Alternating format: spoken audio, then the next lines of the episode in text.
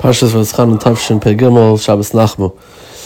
Even though these parshas and parshas in, Se- in Sefer Dvarim are very lengthy, uh, full of Musa and Techacha from Moshe Rabbeinu, beautiful words that are, have so much depth to them, so many mitzvahs, but and there's so much to talk about. But we'll be Makatzer Biruchim writes in the pasuk v'zachar to give the Yisrael Mitzrayim pasuk in Perkei Tazvav which appears similarly in many other parshas, that uh, it's a mitzvah, you have to remember to, that we were Avadim in Mitzrayim. Now, Yeruchim points out a very, very foundational limud here. He says, we know that in Halacha, in Shulchan Aruch, it's brought down, or Chaim Nunalf, it's brought down that if one wasn't mechaven properly, didn't have proper kavana when saying the words in Ashef, Pesach, Yadecho, Maspilach, Al Chayratz, they have to go back, they're not Yaitza right? And even though there's other psukim that, that are very important, but we know that that pasuk is, is, is so found so elementary. It's, it's such a fundamental part of of our emunah and Kadosh Baruch Hu, that Kadosh Baruch Hu sustains the entire world from the smallest microbe to the largest mammal to everything, everything between and greater and, and smaller and greater. But so you know that that's so important to us that we have to have kavanah. That's the simple pshat. Now, what's the understanding of that? So he says that anything that's more um, understandable to, to a person, so that that's that's of more importance. And what does that mean? That if something that's supposed to be, I mean, the Torah tries to the Torah, the Torah explains everything on a very elementary level and as much as possible. Now, even though there are things that are well, well beyond our understanding, and there are things that well, even that we can't, most of us are not capable of understanding or, or won't ever really understand, definitely not to their deepest meaning. There's always a very basic pshat. There's always a very basic and fundamental pshat where you know, like, yetz b'dei pshutai Right? There's things, there's a pashib shata things. And the reason why the Torah stresses things and tries to bring them down to very elementary and basic level is so that we can have more of a shaykhs to it. And that's why the things that are of closer um, understanding to us, things that are are are have, have are, are much easily explained, much more easily explained and understood to people, to the common person. So they're they're that much more important and if you don't connect to them, it's of it's of that much more of a hefsa, that much more of a it's that much more of a problem. Meaning, for example, like like we said, like this pasuk, Paishem opens his hands, and he he sustains, he feeds all all all living creatures. I mean, that's everyone understands that, right? And that's a very, like we said, a very fundamental part of Yiddishkeit right in in in has in hashgacha and hanhagas that he's the not he's not only is he the bayer he's also the manik, right?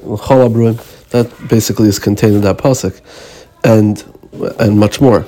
But it's a very elementary and easily understandable concept, right? And with that, if someone doesn't is, is not machavin properly when he says those words, he's not yaitze, not yaitze ashrei. And again, like we said, the reason is because it's so simple and fundamental and, and, and basic to, our, to understand, it's of that much more importance. And that's the idea. HaKadosh Baruch Hu in the Torah always makes things to to be easily understandable. And something that's more easily understood is more fundamental. So when the Torah says "V'zacharti Yev Hayisa Baretz Mitzrayim," and that's we know that's one of the reasons for all the that's the reasons for many mitzvahs, like the Rishonim say.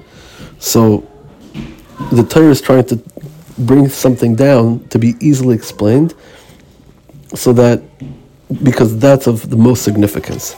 And when something is very easily explainable, understandable, it becomes it's much more easy to much more simpler to incorporate that into our being and to actually make that a part of our life and part of us.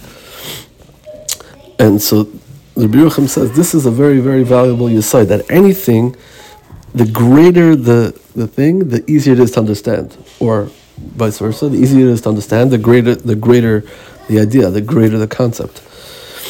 And even though there are things that could be higher and beyond many people's understandings and very deep and very complicated, or things that are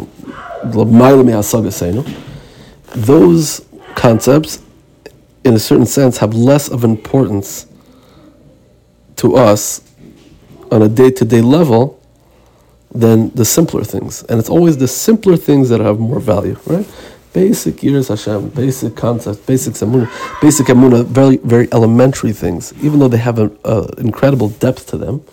But the the made it, the Torah like Dibber, Right? The Torah the Torah does that intentionally to make very important things easily explainable, and so that we can easily incorporate that into our being, into our life. And without it, it's very problematic. Without those understandings, if we don't focus on those understandings, if we're not machavin, then then there's a hefsa there. There's a problem. We're not yotza, right? And that's the explanation. And he ends off. He says, just like we say, "Yofas yichasan shall avdi shall banim," right? That something the closer that's something it's even with divrei Torah, the, the more fundamental, more easily, the more fundamental things are are much easily explain, much more easily explainable. They're much more simpler, right? It's not it's not the more complicated the better. It's the simpler the better, right? Obviously, there's there's tons of room for for complicated and, and deep things, deep in yanim, but the very basic things are, are, are always of most importance right? And that's that's what the Torah strives to, to do to for, for us to incorporate those things in our life. Basic emunah, basic Yerushalayim, basic Torah, basic halachas. If you if you're missing basic halachas, you don't you're not a, you're not a yid, right? The basic shulchan aruch, you're not a yid, right? Things that are very easily understood. And that's the idea. It's very simple to understand. We remember that, and that's why everyone can something everyone can relate to, and that is the foundation of all the mitzvahs something very important to remember.